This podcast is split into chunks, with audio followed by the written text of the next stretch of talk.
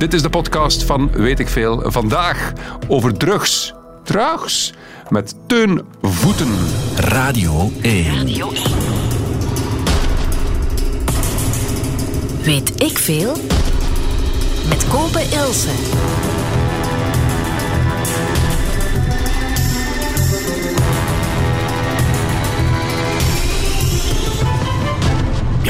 Zo hoort een aflevering over drugs misschien wel te starten met een sensationeel muziekje.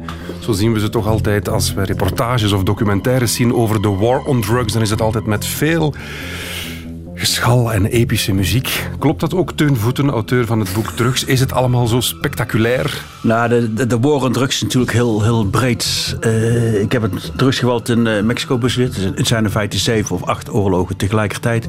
Ja. Verschillende fronten, verschillende intenties. Dat heet hybride oorlog. Het is uh, autoriteiten tegen drugsorganisaties, drugsorganisaties onder elkaar kleine straatdealertjes. Uh, soms heb je polities in dienst van één kartel en het leger in dienst van een ander kartel. Dan gaan die met elkaar op de vuist. Gezellige boel daar. Ja, ja daarna praat ik over Mexico. En het is bij ons in de lage landen heeft alles natuurlijk een iets mindere intensiteit. Het is niet zo heftig, maar... Uh, het is er wel ondertussen, hè? Ja, die, kijk, en, uh, en dat heeft te maken met onze noorderburen, de Hollanders, die op dit moment zijn uitgegroeid tot het grootste synthetische drugs exporterende land van de wereld. Ik hoorde zeggen, onze noorderburen nogthans, uw dialect of uw accent verraadt enige affiniteit met de Noorderburen? nou, ik heb de Nederlandse nationaliteit, maar ja. ik ben een Brabander. Okay. Wat trouwens de broedhart is van de georganiseerde criminaliteit. Alright. Dat heeft historische roots die al vier eeuwen teruggaan. Tot aan de, de Spaanse oorlog, waarin uh, uh, Brabant gewoon een soort bufferstaat was van outlaws.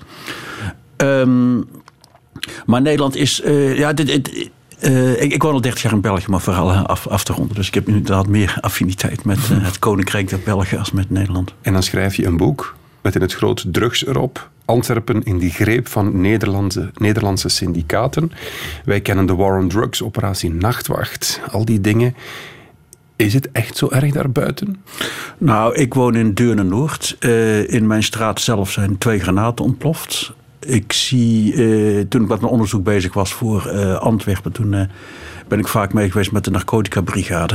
de DOT heet dat, drugsondersteuningsteam. En daar werden toch aanzienlijk wat jongens opgepakt bij mij in de buurt. En um, kijk, wat is erg? Er zijn schietpartijen, er, er, zijn granaataanslagen in, in Antwerpen.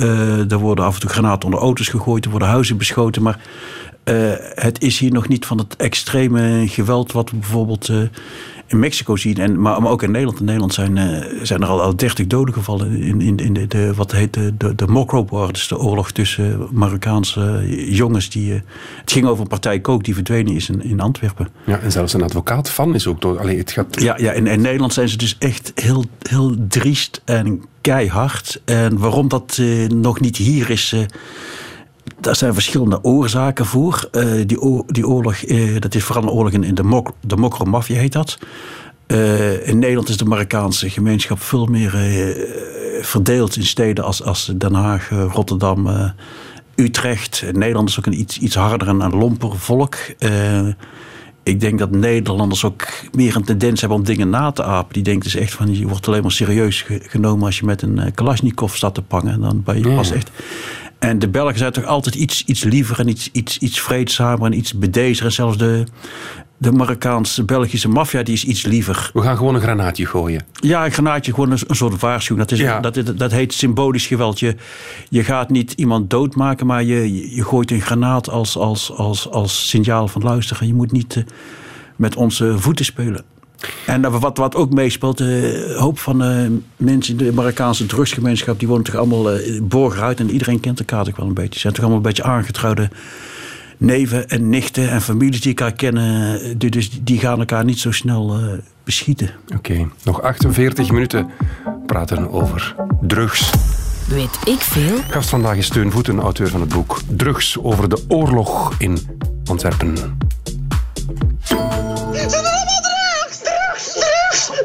Weet ik veel? Willy's en Mariette zijn er ook bij. Beste Teun, laat ons beginnen met u even te kaderen. Jij uh, bent geen bange jongen.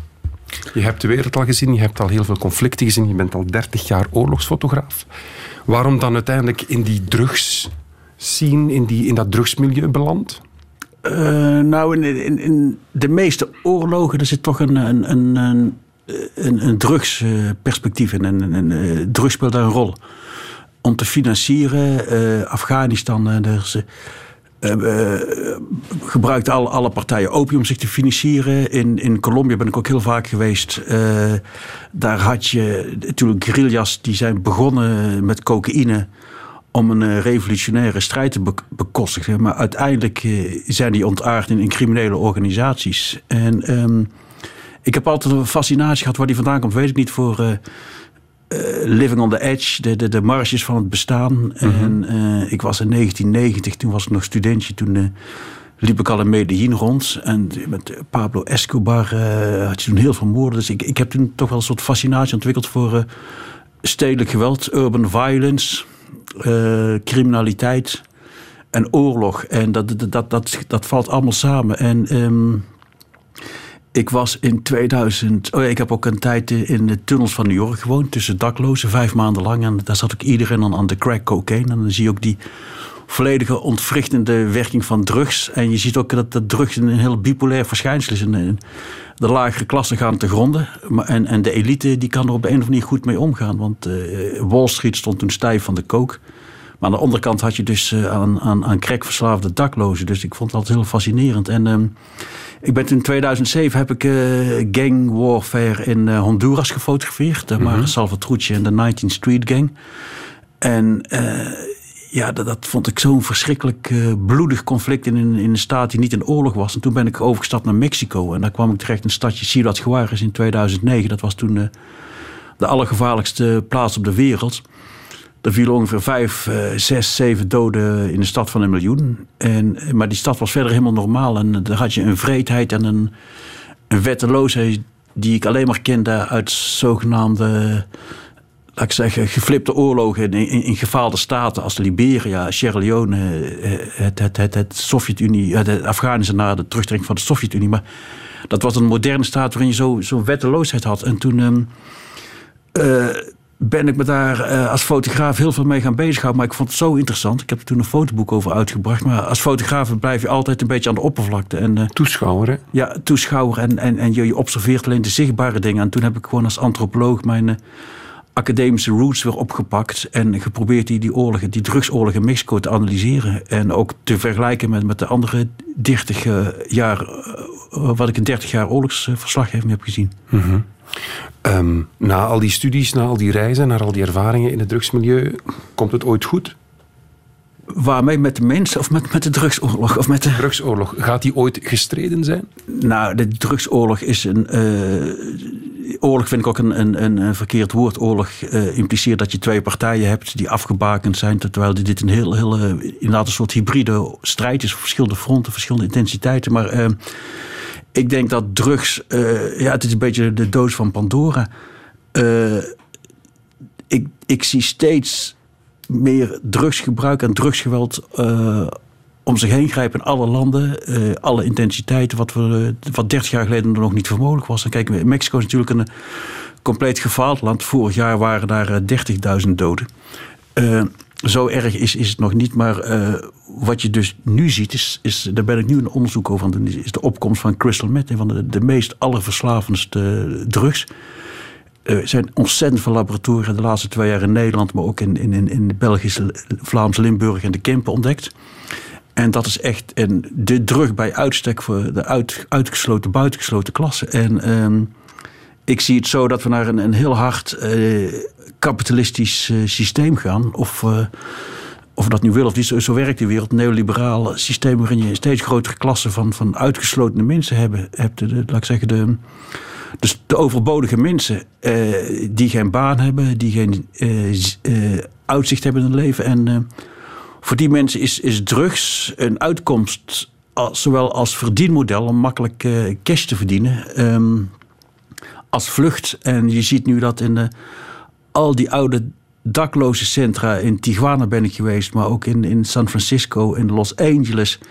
Vroeger zaten daar de alcoholisten aan, aan de wijn in de jaren 50, 60. In de jaren 90 ging ze over op de crack. En, en nu zit iedereen daar aan, aan, aan de crystal meth. En het, het, het, eh, Dat is ook die terug van ehm, die reeks. Hoe heet Breaking Bad. Breaking ja, Bad. ja, break, tanden vallen uit. Je wordt echt je heel mager. Je, je ziet het echt aan die gezichten. hè. Ja, het heeft verschillende effecten. Sommige mensen die, zijn, die worden echt zware junk. Andere mensen die kunnen dat op een of andere manier twintig jaar doen. Maar het is, ik gebruik dit soort metaforen of, of, of hyperbolen niet graag. Maar het is echt de drug van de duivel. Het, maakt de eh, hoeveelheid dopamines in, in je los... die, die op geen enkele andere manier eh, eh, te, reproduceren zijn... met, met, met andere drugs of, of met normale plezierige dingen in het leven. En het veroorzaakt onomkeerbare hersenveranderingen. Dus het is echt een bloedlinke drug. En het, is echt heel zorgwekkend eh, dat je dat nu eh, heel sterk ziet opkomen in Nederland en, en Vlaanderen.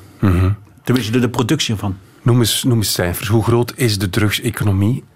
Kan, kunnen we daar een cijfer op plakken? is dat te berekenen? Daar, daar hebben onderzoekers als Pieter Tops en eh, Jan Tromp hebben daar berekening van gemaakt. Eh, miljarden. Zij schatten de, de omzet van de, de synthetische drugsindustrie in Nederland eh, even groot als eh, de Albert Heijn, de supermarktketen eh, Albert Heijn. Alsjeblieft. Ja, Dus, amai. De- dus de, de omzet van Albert Heijn, ja dat is dus- supermarktketen. Ja, synthetische drugs in, in Nederland. Kijk, er is natuurlijk heel veel export bij. Hè? En het is natuurlijk ook. Het is een heel moeilijke berekening. Hè? Het is een soort. Hè? Dus je bent Ja. een beetje aan het raden en je bent, bent een beetje aan het gokken en een beetje aan het schatten. Dus je kunt niet zeggen van de drugsindustrie die, die, die, die doet ook geen jaarrapporten. Hè? Nee, maar het gaat over, over miljarden. Ja, nee, maar bijvoorbeeld in, in de stad Tijuana, ik heb daar eh, anderhalf jaar geleden onderzoek naar gedaan, naar, naar crackverslaafd. Nou, er is ongeveer 10% van de mensen is verslaafd. En eh, daar kun je gewoon uitrekenen van wat, wat is het gemiddeld loon, hoeveel wordt er eh, gemiddeld aan, aan crack en heroïne en crystal meth besteed. En dan, dan, is, dan, dan blijkt dat het 15% van het, het, het stedelijke bruto nationale, ik ben zo goed in economie, maar laat ik zeggen, wat er verdiend en uitgegeven wordt in, in, in, in Tijuana is, is, is drug-related, 15%. En hoe groot Nederland is, eh ja, daar gaat natuurlijk enorme bedragen om de, de, de hele coke-business, de cocaïne importerende sector, de, de, de marihuana producerende sector en natuurlijk sinds kort de, de, de, de, de ecstasy producerende sector, wat bijna alleen maar export is. En sinds kort ook de, de, de crystal meth producerende sector. Ik denk dat het. eh, in Mexico wordt geschat dat drugs ongeveer 20% van het bruto nationaal product is. 20. Ik denk dat van Nederland. eh nou, flinke, toch wel een paar procent is. En dat zijpelt rustig door. Dat zijpelt allemaal door naar, naar de bovenwereld en ook naar Vlaanderen. En Vlaanderen is altijd, en België is altijd vrij. ehm, het had een vrij strak drugsbeleid gehad. Het is hier nooit zo. eh, kijk, heel op heeft te maken met, met dit tolerant drugsbeleid in Nederland. Want er werd altijd gedacht van ja, een wietje roken kan geen kwaad. En Ja, in ken- Amsterdam, de, de ene koffieshop naast de andere. Dus Ja. het is daar allemaal... Kijk, en ik kende een van de voorvechters nog van de legalisering. Dat was eh, de, de Provo-beweging. Dat waren allemaal een soort hippies uit de jaren 60. eh anarchisten, ludieke acties. En Robert Jasper Grootveld, dat was een beetje de voorvechter van de legalisering van marihuana. En ehm, in die tijd wa- was drugs nog een soort revolutionaire statement. Dat was je nog eh, bijzonder als je... En tegenwoordig is drugs is gewoon een consumptieverschijnsel. een cons- consumptiemiddel geworden. Maar het idee van de oude hippies was gewoon van... Je zet een pla- plantje op je balkonnetje. En als je zin hebt om, om een wietje te smoren, dan pluk je een blaadje en, en rol je een, en, en van niemand last. Maar dat is ontaard dus in een verschrikkelijke kapitalistische harde marihuana-industrie. Waarin ook die, die, de THC gehaald. En THC is de werkzame stof in marihuana waar je high van wordt. Die, die is ook vijf of zes keer zo hoog geworden. Het is tegenwoordig ja, een soort bio-industrie geworden van, van bio-industrie wiet. Die, die zo sterk is dat het ook bij, vooral bij jonge mensen hersenbeschadiging veroorzaakt. Ik, ik sprak vanmorgen nog een, eh, een vrouw, eh, Twitter een beetje dialoog mee. Die zei ook van mijn, mijn zoon, eh 15, 16, is op een gegeven moment in coffeeshops gaan zitten. School niet meer afgemaakt, foute vrienden, een beetje dealen. En, en eh, compleet lustloos en apathisch. En, eh, dus ik, ik denk zelf, heb, ik- ik heb het ook in mijn boek heel duidelijk gesteld... dat marihuana is lang niet meer zo onschuldig als, als 30 jaar geleden. Nochtans, overal, meer en meer, zelfs in Amerika spreken ze, in meer en meer staten, legaliseer die handel. Ja, daar, daar wordt maar, kijk, maar die experimenten, die, die, eh, wat je dus ziet, het marihuana-gebruik stijgt. Eh, mensen zitten vaker stoned achter het stuur. Eh, legale wiet die is over het algemeen vrij slap. Dus dan ontstaat er weer een zwarte markt van hele harde wiet. Met een heel hoog THC-gehalte, die ook goedkoper is omdat er geen belasting op betaald wordt. En uh, het geeft criminele drugsondernemers. Kijk, in Nederland zijn al die, al die criminele wietgroeiertjes. Dus wat dan vroeger werd gezien, ah, dat zijn onschuldige hippies. Die zijn achter, na de rand overgestapt op de ecstasy. En toen op de cocaïne. En nu stappen al die ecstasy-boeren over op, op crystal meth. Omdat je er gewoon honderd keer zoveel mee kunt verdienen. En het is allemaal begonnen met een onschuldig wietje. En zo blijven we bezig. Ja. Operatie Nachtwacht, zoals eh, de naam het doet vermoeden, eh, zal zich in de nacht afspelen. Wanneer ook het drugsgeweld zich afspeelt vooral. Als criminelen naar andere criminelen geweld plegen, is dat altijd in de vroege uurtjes. Wanneer er natuurlijk minder controle is, wel dat zal nu veranderen. Hè. In de nacht zal er een zeer zware controle zijn. Ja, er is een drugsoorlog bezig in het milieu. Hij krijgt geschietpartijen op straat. Dit is symptoombestrijding voor alle duidelijkheid. Ik ben niet gek, hè. Je gaat met de fanfare op kop als signaal, stop met dit geweld. Maar daardoor waren wij getorpedeerd de raam van mijn overboer is uitgeschoten om vier uur s'nachts. Ik moet mij niet verplaatsen van mijn villa om naar het drugsgeweld te gaan kijken. Ik vind dat dramatisch. Het jaar 2020 was ook het jaar van de War on Drugs, van uh, operatie Nachtwacht in Antwerpen. En dan hoor je allerlei verhalen. Bij mij zit Teun Voeten, auteur van het boek Drugs, eigenlijk specifiek over die War on Drugs in Antwerpen, hoe het daar aan toe gaat.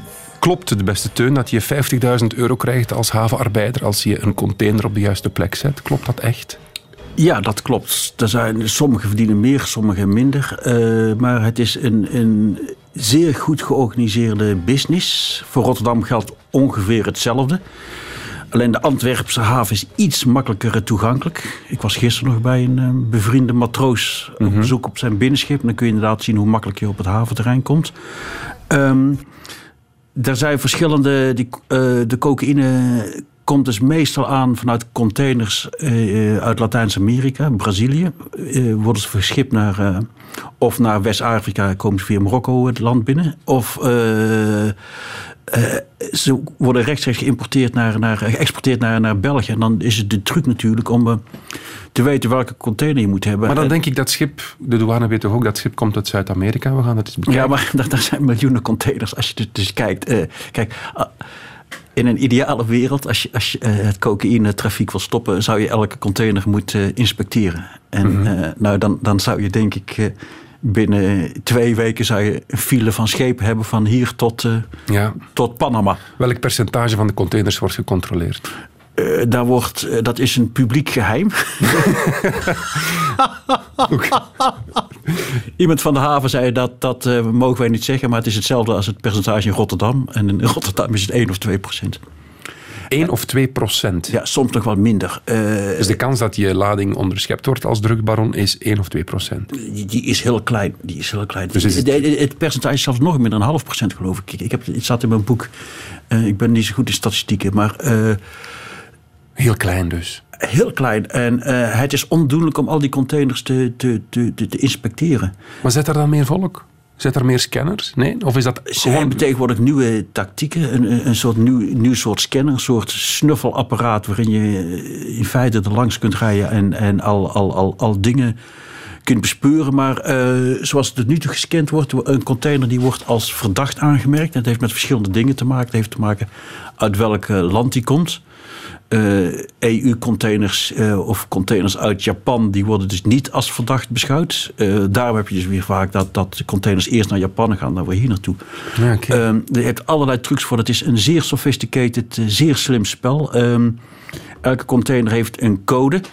En sommige containers die krijgen dan de code van u moet naar de scanner toe. En dan de truc is natuurlijk om te zorgen dat je container niet gescand wordt. En er zijn ook criminelen binnen die hebben echt ontzettend hoog opgeleide IT-specialisten ingeschakeld om dat computersysteem van de haven te hacken, dat sommige containers dus werden vrijgegeven. Meen je nou? Ja. En eh, daar wordt ook ingebroken in de computersystemen dat een bepaalde container dus de, uh, de code krijgt van je mag zo de haven uitrijden. Uh, er worden wisselcontainers gebruikt, dus dan heb je jongens die klimmen het haventerrein op, die klimmen gewoon een gat in het hek. Uh, een andere groep die maakt ergens anders een vuurtje van lege pellets. Dus daar gaat de bewaking op af. En dan lopen ze naar de ene container toe. En dan halen ze daar al, al de drugs eruit. Die meestal in sporttassen zit vlak achter de deur. En die stoppen ze weer in een andere container. Bijvoorbeeld een Europese container. En wat dus ook heel belangrijk is, een container moet op de goede plaats gezet worden, op de, op de begane grond. Want soms worden die containers, als je door de haven rijdt, die staan soms wel zes of zeven hoog. En Ja, dat is lastig klimmen. ja, die uithalers zijn geen Spider-Man. Ja, voilà. Dus, maar een havenchauffeur, een, een, een, kraan, een kraanchauffeur, die, die, die enorme grote kranen, die straddlers, die worden dan ervoor betaald om die containers op de juiste plek te zetten. En echt 50.000? Want dat wordt Sommige mensen, wel, ja, die, worden, die krijgen 50.000 betaald. Maar het, het, is heel triest, want eh, als je er eenmaal hebt, in hebt gezeten, dan kom je niet meer uit. Want Je kan niet de volgende keer zeggen, nee, ik doe het niet, meer. Nee, nee, want dan zeggen ze van, "Lu- luister chef, je hebt al één keer voor ons gewerkt. eh, eh, nee is geen optie, want we weten ook waar je woont. We weten waar je, waar je dochtertje op school gaat. Je weet dat je zoontje heeft dan pianoles. Dus, dus het is een ontzettend smerige vorm van, van chantage. En eh er wordt ook doelbewust geviseerd op mensen die een beetje in de problemen zitten. Er zijn verhalen bekend van een, eh, iemand die in de haven werkt... en die zat s'avonds in het café een beetje te klagen. "Ah, Ik ben gescheiden van mijn vrouw, alimentatie. Ik zit toch wel financieel in de shit. Die krijgt dan s'avonds een, een sms'je of een Facebook berichtje van... Hey, eh, hey, eh, Peerke, wilde jij niet voor ons af en toe een, een klusje doen? En als je eenmaal erin zit, is er no way back. Dus eh, ja, dit is, dit- ik kan het niet genoeg benadrukken. hoe- Dat, het is een snoeiharde kapitalistische wereld. En daarom is de ondertitel van mijn Mexicaans boek ook... eh, Predatory capitalism, roofkapitalisme. Mensen worden gebruikt, uitgewrongen en dan weggegooid. Dat is een keiharde wereld. Vermoord ook als... eh, als in- in België die havenarbeiders die vermoord dat hoor je niet. Nee, nee, in België is, is dat geweld no- nog niet. Zover is dat geweld nog niet. Wat je dus wel in Mexico hebt. Maar kijk, het is niet zo dat, dat drugsondernemingen graag geweld gebruiken. Geweld is, is een, een middel wat je af en toe noodzakelijk moet gebruiken. Maar het is veel beter, zoals elke. Kijk, drugs. eh, eh, kartels zijn gewoon ondernemingen, zakelijke ondernemingen. Die, die gebruiken geweld alleen als het, als het nodig eh, is. Dus als die onder de radar kunnen werken, als die geen geweld gebruiken, dan doen ze dat liever niet. Dus het is daarom ook. je hebt hier bijvoorbeeld ook een Albanese maffia die heel actief is. Daar hoor je heel weinig van. Eh, die gaan ook niet zoals de Marokkaanse maffia in Amsterdam eh, elkaar met Kalashnikovs op straat beschieten. Want daar, daar, daar gaan alleen maar alarmbellen af bij de autoriteiten. Die, als daar iemand iets fout doet, dan, eh, dan verdwijnt zo'n jongen gewoon. Dan wordt hij naar Albanië teruggeroepen en dan krijgt hij daar een sanctie. En dat, dat kan variëren van executie en oplossen in, een- in een vat zuur tot gewoon een flink pak slaag. Maar die gebruiken dus geen publiek geweld in de, in, in de, in de publieke arena. Maar af en toe lukt het dan dus wel. Meer dan een week geleden breken speurders deze stalen container open. Ze hadden dan wel een vermoeden, maar wat ze vinden is spectaculair. 11,5 ton pure cocaïne.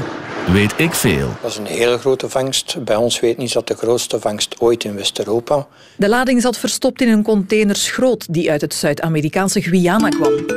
Amper een paar maanden geleden de grootste vangst op Europees grondgebied, wordt gezegd. Is dat dan een lucky shot dat ze zoiets vinden? Of werken ze samen met de, in, in- met, Het- met de het- het is- diensten in, in Zuid-Amerika die hen tippen? Hoe Eh, gaat het is dat? een combinatie van factoren. Eh, eh, er is een, een geluksfactor. Eh, er is intelligence van de eh, veiligheidsdiensten in, in Latijns-Amerika. En soms wordt ook geklikt door concu- concurrerende eh, drugsorganisaties die graag een ander erbij willen lappen. Dan eh, kunnen hun. Eh, kijk, als, als bijvoorbeeld. eh, laat ik zeggen, het, het, het, eh, ik, ik, ik noem er twee voorbeelden. Het kartel van Jalisco had een container met, eh, met, met, met eh, 20 ton verschepen. En het Sinaloa-kartel 11 ton. Nou, wat is dan beter voor het kartel Jalisco? Als die ervan afweten om eventjes de, de autoriteiten te tippen dat er 11 ton eraan komt. Nou, alle autoriteiten vliegen op die 11 ton af. En iedereen, wauw, wat, wat een fantastische vangst. En ondertussen Ja, die container. Dus dat gebeurt ook. Dus, dus er is ontzettend veel samenwerking tussen, tussen de, de, de autoriteiten en ook, ook de, Amst, de Antwerpse gemeenteraad. Die is ook in, in, in Colombia gaan praten twee jaar geleden. Ook, ook met, in de havenstad Cartagena. Met, ook met mensen van DEA. Dus er, er is heel veel internationale coördinatie. Ehm, Maar, maar, maar met de kraan open is nog nooit meer van toepassing geweest, als Eh, kijk, als je kijkt naar de straatprijzen, die, die, die gaan niet omhoog.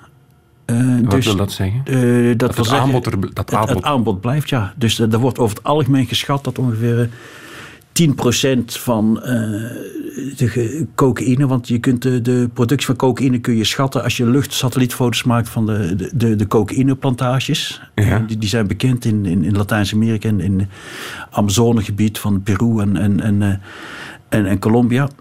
Dan kun je schatting maken hoeveel, hoeveel ehm, eh, hectare internationale eh, coca-planten er staan. En wat daar de afgeleide hoeveelheid eh, cocaïneproductie van is. Dus daar kun je gewoon eh, een schatting maken. Ja? Wat je bijvoorbeeld weer bij, bij, bij eh, eh, crystal meth eh, niet kunt doen. Omdat daar kun je van allerlei grondstoffen maken. Maar bij, bij cocaïne kun je dat vrij nauwkeurig schatten. En er wordt ongeveer geschat dat 10% van de cocaïne die, die wordt geconfiskeerd. 11 ton, wat is daarvan de waarde? Eh, nou, kijk, de straatwaarde in Antwerpen kost een gram coke eh 50 euro. In feite is dat eh, een halve gram die versneden is met, met, met allemaal rotzooi. Dus eh, laat ik zeggen, een, kilo eh, zou dan ongeveer eh, straatwaarde 50.000. En dan eh 11.000 kilo, ja, dan praat je toch wel over. Even kijken hoor. Dat is vijf. Ja.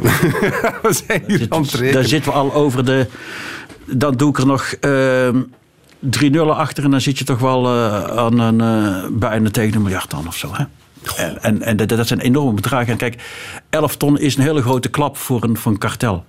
En waarschijnlijk gaan een hele hoop mensen onder elkaar ruzie maken. En dit zijn ook altijd gemeenschappelijke transporten. Het is niet zo dat één organisatie dat financiert. Dat wordt gefinancierd door allerlei criminele organisaties, maar ook, ook door zakenmensen. In, in de tijd van eh, het, het, eh, het, het kartel van eh, Pablo Escobar, het eh Medellin-kartel. Dan, toen was ik in Medellin en ik hoorde daar van iemand op een feestje van ja, wij hele normale mensen die, die zetten er ook gewoon 200 euro in en die krijgen dan 300 euro terug.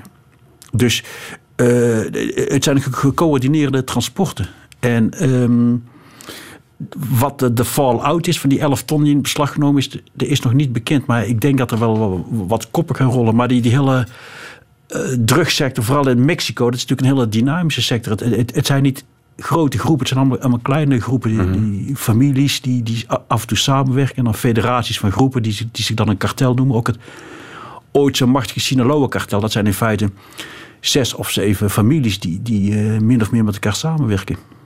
Maar dus wat ik begrijp, als het over cocaïne gaat, wij kijken naar Netflix en wij zien, ehm, hoe heet die reeksen allemaal, Narcos en Narcos Mexico. Ja. Wij denken ver van ons bedshow, maar de lijn coke die in Antwerpen wordt gesnoven, ja, die is daar ook allemaal gepasseerd bij die... Ja, daar, daar, daar, daar, zit gewoon bloed aan. Hè. En, Ja. eh, ik word wel eens uitgescholden voor eh, moralist. Maar kijk, iedereen die hier cocaïne snuift, die, die houdt die geweldscyclus in stand. Die, die financiert dat, dat drugsgeweld. Ja. En ja, ik heb eh, zelf dat... ik heb gewoon letterlijk met mijn poot in mijn bloed gestaan. En ik ben twee vrienden verloren in Mexico. Twee collega-journalisten die zijn vermoord. Dus voor mij is het, is het vrij, vrij concreet. Radio 1. Weet ik veel? Een reactie, ik ga geen naam noemen, u gaat onmiddellijk begrijpen waarom. Mijn schoonbroer werkt ook bij de haven als bewakingsagent en daar stonden ze enkele weken geleden thuis ook aan de deur met de vraag of ze even zijn toegangsbadge mochten lenen en dat hij zijn prijs mocht noemen. Bij hem hadden ze ook zijn adres gevonden via social media. Ikzelf heb er ook gewerkt op een containerterminal en daar is dat schering en inslag. Ik ga de naam niet noemen van de reactie.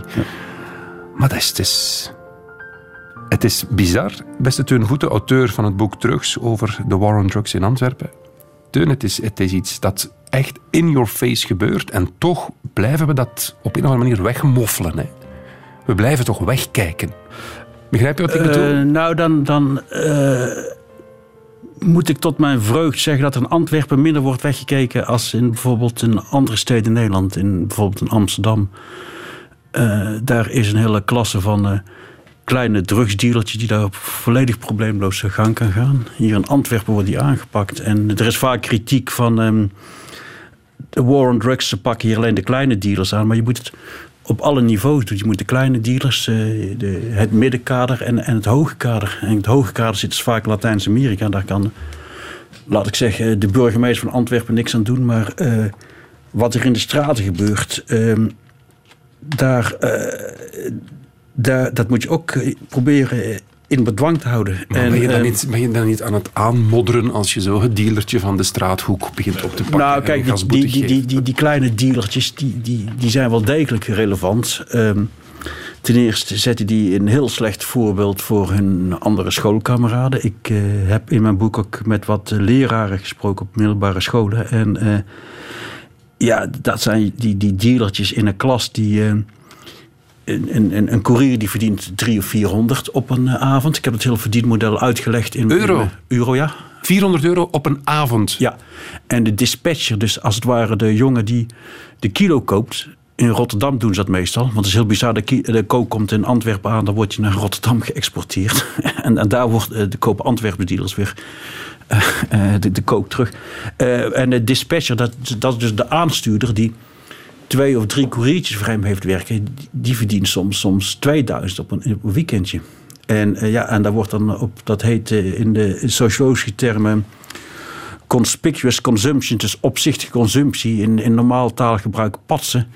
Ja, die kopen dan eh, schoenen Louboutin. Ik had er nog nooit van gehoord, maar tegenwoordig weet ik hoe die eruit zien. met die rode zolen? Zijn dat- Met die rode zolen. Ja, juist. Kijk, als ik ermee zou lopen. ieder, ieder sociale klasse heeft een ander statussymbool. Eh, als ik ermee zou lopen, zou iedereen mij uitlachen. Voor mij is status een, een goed boek of een goede recensie. Of bij jou in de radio zitten. Maar eh, eh, sommige eh, sociale klassen is. Eh, een t-shirt van Philippe Plein die 250 kostte met die doodskopjes en die glittertjes. Ik vind er zelf een beetje nichterig uitzien, maar in, in bepaalde scenes is dat het hippe van het hippe. Maar die, Heuptasje is, is hier Ja, ja, ook van die- Louis Vuitton. ja, en, en ja, ik vind het zelf ook verschrikkelijk. Ik zou, ik zou niet meer zo'n ding, kring durven lopen. Maar in sommige, en in sommige schoolklassen wordt er tegenop gekeken. En wat die kleine dealers dus in feite uitstralen is... ehm, werken en leren is voor de domme. Eh doe zoals ons. Dus die, die, die ondergraven eh, hele normale waarden, normenpatroon in wat je als samenleving nodig hebt. Dat, dat je gewoon hard en eerlijk eh, moet werken en uiteindelijk. ja, een soort Calvinistische moraal. Maar uiteindelijk, als je gewoon goed je best doet, dat je ook gewoon een normaal leuk leven kunt hebben. Dus die ondergraven dat. En dus die hebben wel degelijk. Dus die moet je inderdaad ook aanpakken. En die kleine jongetjes worden grote jongens. Je moet altijd oppassen met, met stigmatiseren, maar je noemt Mokro, dat, dat is een Marokkaanse gemeenschap, zeg je. Eh, Zit- ja, zit in, in, de meeste incidenten eh, is er een, eh, om diplomatiek. ik heb het in mijn boek heel voorzichtig gedaan, want je wordt, voordat je het weet word je beschuldigd van racisme en dat leidt de hele discussie af. De Marokkaanse gemeenschap die is oververtegenwoordigd. En Hoe komt dat? dat heeft vers- verschillende oorzaken. Eén oorzaak is natuurlijk heel simpel. Marokko is natuurlijk een van de, de grootste hashproducerende landen van de wereld. En ik heb met mensen gesproken die zeiden... ja, on- ons papa die nam vroeger gewoon altijd een kilootje hash mee... vanuit, eh, vanuit de RIF op vakantie in de jaren zeventig. De ferry op, Gibraltar, klaar. Ja, gewoon in, in, in de Mercedes. En, en, en die zeiden dan van... De, eh, als de Guardia Civil ons aanhield en die vroeg... wat, wat is die, die bruine plakkerige stuf? Zeiden ze, ja, dat, dat is henna. En, en kijk, en dat was een beetje... dat werd ook niet echt, echt eh, als, als misdaad gezien... want in, in de RIF in Marokko eh, ja, wordt gewoon vrij veel, veel hash... eh, pijpjes kief gerookt. Ehm, Maar dat is toch een verschil met wat je zegt nu, heel de cocaïnehandel. Ja, maar die- dat, is toen geprofessionaliseerd, want toen, toen roken de Hollanders dus. En sorry dat ik. De Hollanders zijn ook de bad guys in dit verhaal. die roken geld. En, en, en eh, dus Mohammed die vroeg hem, of Ahmed die vroeg hem met een kilootje aan. Kan zeggen, hey, dat, kun je beter. snap- en die, die zijn toen vis, eh, vissersschepen, eh, de hele beroemde Kotter Lammy met, met, met duizenden kilo's hasjes. Dus dat is toen helemaal gepro. Dus, dus de, de, de, de Marokkaanse aanwijzing is ten dele te verklaren door, door, door die. En de hand zijn die op, op de kook gegaan. En ehm, het heeft ook culturele oorzaken. De, ik heb de, de Rif Marokkanen vergeleken met de Brabanders. En ook de mensen uit de Mexicaanse staat Sinaloa. Het zijn een beetje peasants, dus een beetje boeren, eh, plattelanders... die niet echt rijk waren. Die zich ook in de steek gevoeld worden door de autoriteiten. Die echt gewoon de schurft hadden en de scheid aan, aan de, de, de federale aut- autoriteiten. Of nu in Mexico City, Den Haag of Rabat is. En die echt zoiets had, we, we rooien onze eigen zaakjes wel. En ook gewoon een hele interne, sterke cohesie. Dus eh, een groepsgevoel van wij, wij, wij, wij, redden onszelf wel. Dus eh, al die oorzaken, dan natuurlijk toch een stukje sociale achterstand. Het heeft allemaal, allemaal mee te maken. En ik sprak een hoop Marokkanen in, in Antwerpen. En die zeiden ook wat de Marokkaan in Antwerpen heeft. En ook in Marokko. Die wil ik heel graag laten zien hoe goed je het heeft. En ook al werkt ze het hele jaar als schoonmaker. ehm, dan sparen ze net zo lang op. En dan komen ze in, in de zomer.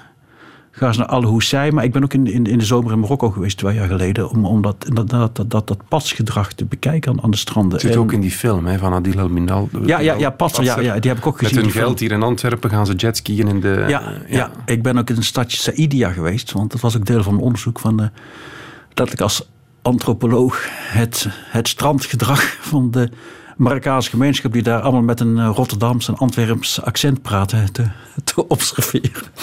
Gezellig. Ja, het was heel gezellig. Nee, het is, eh, nee, nee ik, ik, nou, maar wat, wat ik net zeg over de, dat padselement... dat krijg ik van mensen te horen uit de Marokkaanse gemeenschap zelf. Die hun eigen gemeenschap vrij goed kennen. En ehm, ik heb dus in mijn boek heel veel mensen aan het woord gelaten. Ook heel veel Marokka mensen uit de, met een Marokkaanse achtergrond... die ook heel kritisch waren over hun eigen gemeenschap. En ehm, ik ben blij geweest dat ik, eh, dat ik, dat ik gelukkig niet van die, die platte beschuldigingen van racisme over me kreeg. Omdat ik het heel gebalanceerd en genuanceerd heb gebracht.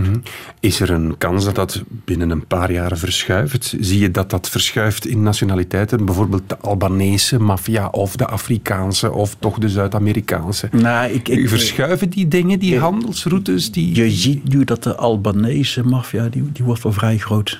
Maar eh, dat, dat zijn hele onprettige jongens om mee te werken.